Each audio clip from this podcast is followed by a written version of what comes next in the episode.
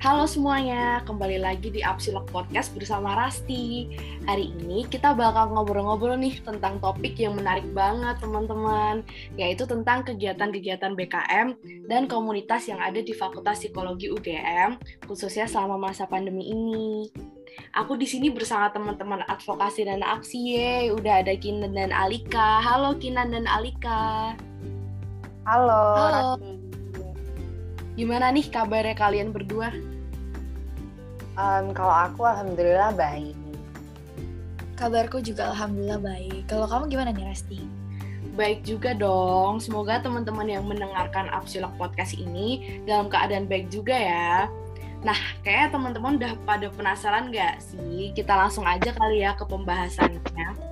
Pertama-tama di Fakultas Psikologi UGM tuh ada berapa BKM sih? Okay, kalau misalnya di Fakultas Psikologi UGM itu ada berapa BKM? Sebenarnya ada banyak banget sih BKM yang ada di Fakultas Psikologi UGM. Mulai dari Lembaga Mahasiswa Psikologi UGM, Relawan Psikologi Gajah Mada, BPBM, BPBM Psikomedia, Pecinta Alam Psikologi atau Palapsi, KRST, Dewan Pengawas, KMP, KMK, dan juga PMK. Wah, iya lumayan baik juga ya. Kira-kira kegiatan apa aja sih yang dilakukan selama pandemi ini? Nah, apakah ada perubahan yang terjadi dari sebelum kuliah daring dan setelah kuliah daring? Aku pengen tahu nih dari LM Psikologi, Repsi Gama, dan BPPM Psikomedia. Oke, jadi ada nih beberapa kegiatan yang harus menyesuaikan dengan daring. Uh, semisal di LM Psikologi UGM, mungkin untuk kegiatan sehari-hari dari LM adalah pelaksanaan tugas dan tanggung jawab sesuai GBHO maupun program kerja LM Psikologi. Program kerja yang sering dilaksanakan oleh Biro dan Departemen LM Psikologi contohnya seperti mengadakan webinar, sharing informasi menarik seputar psikologi menggunakan media sosial LM maupun melaksanakan bonding internal. Oke, selanjutnya ada dari Repsi Gama. Kalau misalnya Repsi, tetap mengadain berbagai macam proker. Kalau misalnya secara garis besar, proker yang dilaksanakannya adalah webinar dengan berbagai topik yang menarik. Terus juga ada kelas pelatihan untuk meningkatkan pengetahuan dan skill anggota, bonding, serta kunjungan ke berbagai organisasi relawan psikososial universitas lain.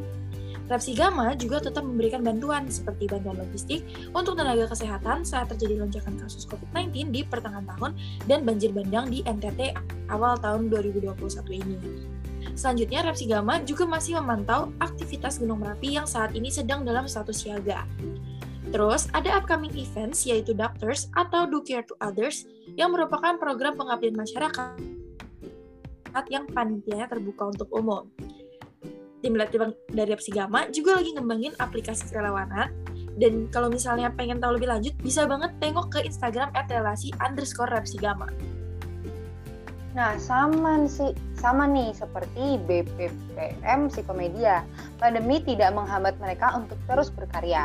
BPPM Psikomedia sudah rilis buletin dua kali di bulan April dan di bulan Juli. Terus juga ada rilis majalah di bulan Oktober mendatang nih, jangan lupa dibaca ya. BPPM Psikomedia juga masih mengadakan liputan beberapa kali. Mungkin yang berbeda dari sistem sebelumnya hanya di teknis pelaksanaan aja. Dan seluruh kegiatan yang dilakukan oleh BPPM Psikomedia dilaksanakan secara daring.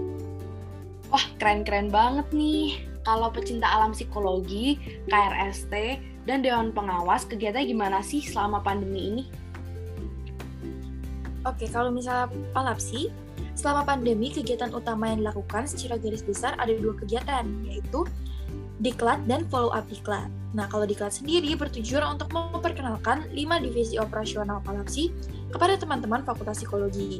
Kegiatannya terdiri dari dua jenis, yaitu in class dan juga out class. Yang kedua, ada kegiatan yang bernama follow up diklat yang dilakukan selama 6 minggu dengan tujuan untuk penjurusan masing-masing divisi operasional di Palapsi. Di sini, teman-teman anggota Palapsi lebih mempelajari materi tentang divisi masing-masing, kegiatan evaluasi skill, brainstorming, pembuatan konten, dan gak lupa ada kegiatan roleplay di mana teman-teman diberi studi kasus yang berkaitan dengan kondisi di lapangan. Selanjutnya ada KRST, di mana tetap melaksanakan program kerja rutin, tapi dalam bentuk online kayak latihan musik, tari, dan aktor yang latihannya dilakukan secara online lewat Zoom atau Google Meeting. Dan disesuaikan dengan bidang masing-masing.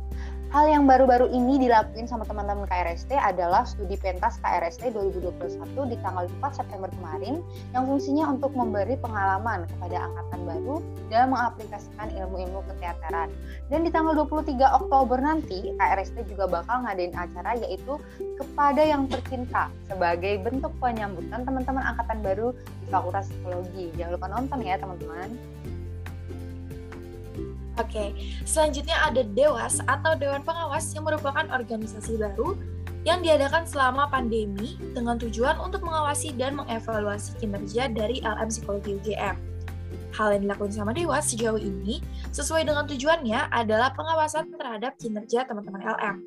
Dinamika kerjanya itu bergantung banget nih sama LM karena kalau misalnya kegiatan LM lagi nggak banyak, maka di Dewas pun juga sama. Kalau sekarang, lagi difokuskan untuk merancang sistem pengawasan yang lebih baik dan mencoba mengeksplorasi terhadap kemungkinan inovasi dalam acara yang dilaksanakan sama LM. Wow, keren banget sih. Selanjutnya gimana nih sama kegiatan KMP, KMK, dan PMK? Oke, nah untuk kegiatan KMP secara keseluruhan nggak semuanya online. Ada juga kegiatan yang dilakukan dengan sistem blended. Semisalnya ada acara persepsi atau persembahan semarak nambahan psikologi dan acara psikologi Idul Adha. Kedua kegiatan tersebut diikuti perwakilan panitia yang hadir langsung ke lokasi tentunya dengan prokes yang ketat. Selain itu ada juga kegiatan yang saat ini berlangsung dalam bentuk kepanitiaan yang dilaksanakan secara daring. Ada IKSE atau Islamic Summer Camp, ada juga Muslim, Muslimah Beauty, dan yang terakhir ada IPC atau Islamic Psychology Convention.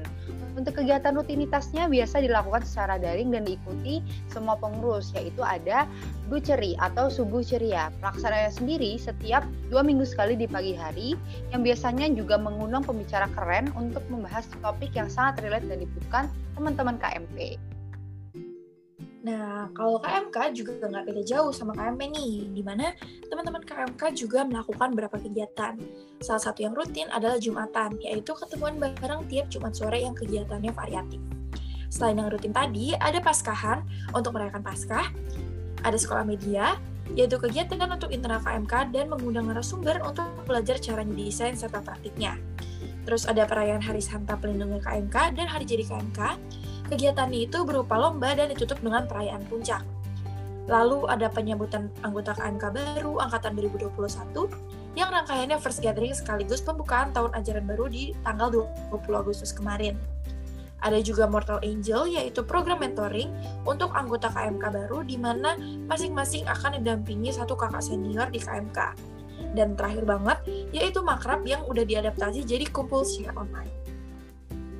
Nah, kalau misalnya selama uh, seperti daring ini teman-teman pengurus PMK mereplikasi apa yang uh, mereka kerjakan waktu offline tapi dalam setting online seperti kegiatan ibadah di mana para anggota bakal berdoa bareng, bersekutu, terus dengerin khotbah. Dan juga ada kegiatan fellowship yang tujuan utamanya adalah mendekatkan antar anggota PMK. Nah, ada satu kegiatan lagi nih, namanya job eksternal sebagai fasilitator. Namun kegiatan tersebut baru off dulu karena masih dalam kondisi pandemi, sehingga tidak ada request yang masuk. Begitu sih Ras, kurang lebih untuk kegiatan-kegiatan yang ada uh, yang dilakukan oleh BKM yang ada di Fakultas Psikologi UGM selama pandemi ini dan perubahan yang ada dari sebelum daring dan setelah daring. Ih, keren-keren banget nggak sih? Jadi meskipun pandemi dan harus dilaksanakan secara daring, tidak menghalangi BKM-BKM yang ada di Fakultas Psikologi UGM untuk terus berkarya. Lanjut nih, sekarang kita ke komunitas. Ada komunitas apa aja sih di Fakultas Psikologi UGM?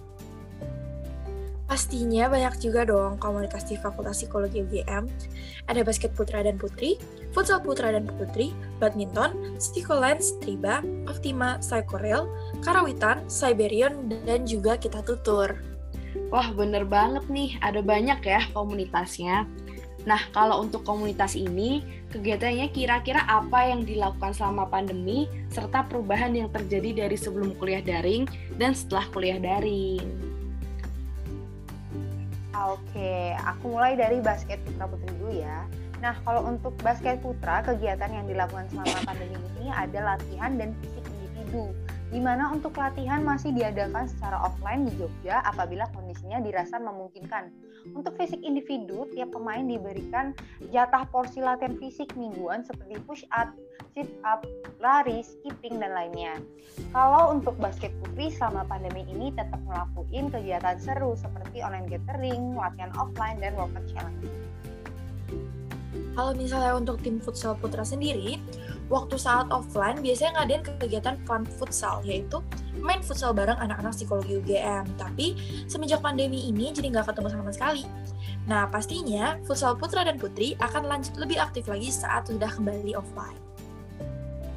Oke, untuk komunitas badminton sendiri karena sangat berkutat dengan kegiatan yang bersifat offline, jadinya selama pandemi ini teman-teman badminton harus vakum dulu sehingga belum ada kegiatan yang dilakuin dalam berskala besar. Namun di bulan Oktober atau November nanti badminton akan bakal ada latihan rutin lagi untuk teman-teman komunitas maupun non komunitas badminton psikologi UGM. Teman-teman kalau misalnya ada yang mau join boleh banget ikut. Wah, asik-asik banget ya. Walaupun pandemi tidak menghentikan mereka untuk terus berinovasi nih. Kalau komunitas yang lain gimana? Nah, selanjutnya ada Psikolens. Selama pandemi ini, uh, Psikolens ngadain beberapa event, yaitu workshop portrait fotografi di bulan Juli kemarin sama Seven Days Challenge. Kalau Seven Days Challenge ini semacam challenge untuk peminat fotografi mengupload jepretan fotografi sesuai tema yang ada di hari tersebut. Selain acara eksternal tadi, ada juga kegiatan internal seperti gathering sesama anak psikolen sambil main games. Terus, pas offline biasanya ada kegiatan andalan yaitu hunting foto. Nah, setelah sistemnya ganti ke setting online, kegiatan huntingnya dilakukan secara mandiri. Kalau misalnya untuk komunitas Triba sendiri, sebenarnya aktivitasnya memang tidak banyak. Kalau misalnya offline, um, teman-teman Triba bakal hadir di acara PRK, BKM Expo, TKA, Prosenigama, yang pastinya teman-teman Triba bakal hadirin. Tetapi karena adanya setting online, teman-teman Triba cukup aktif untuk membantu dalam pembuatan video BKM Expo, TKA, dan lomba supporteran di Prosenigama.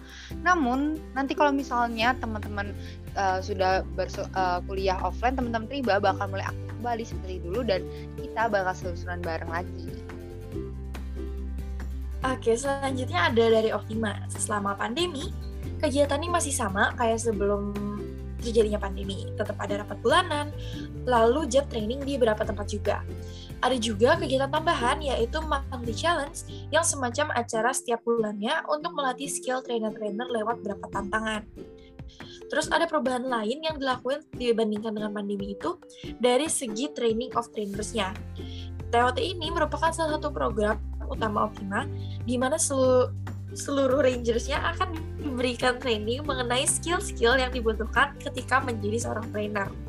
Di pandemi ini, diubah beberapa topik TOT-nya jadi lebih sesuai dengan pandemi. Seperti misalnya, gimana kembangin skill tim manajemen via computer mediated communication atau bisa juga tentang kegiatan-kegiatan training seperti apa yang bisa dilakuin selama masa daring.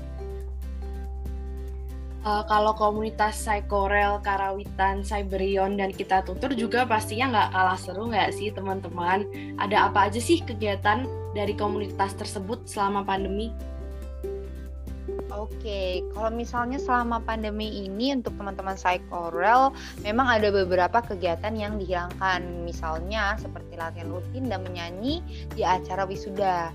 Namun selama pandemi ini teman-teman Psychorel itu juga mengikuti acara-acara yang diadakan oleh fakultas seperti PRK, BKM dan lainnya dengan metode yang biasa dipakai dengan sistem rekaman. Terus juga ada komunitas karawitan yang selama pandemi ini lagi nggak ngadain kegiatan apa pun. Tapi pastinya nanti saat offline bakalan ada lagi nih keseruan dari komunitas karawitan. Oke, kalau misalnya komunitas Cyberon sendiri sebenarnya tidak ada kegiatan spesifik yang dilaksanakan, tetapi teman-teman Cyberion tetap uh, mempersiapkan untuk uh, persiapan Porsinigama sambil membentuk tim dan biasanya ikut mendaftar lomba-lomba. Nah, kalau misalnya perubahan offline ke online sih sebenarnya belum ada perubahan yang signifikan karena teman-teman Cyberon ini baru terbentuk ketika pandemi juga. Oke, terakhir banget ada komunitas kita tutur. Tapi karena pandemi, eh, kita tutur ini lagi nggak melakukan kegiatan apa pun. dan akan kembali aktif saat pandemi udah sudah usai dan kuliah sudah diselenggarakan secara tatap muka.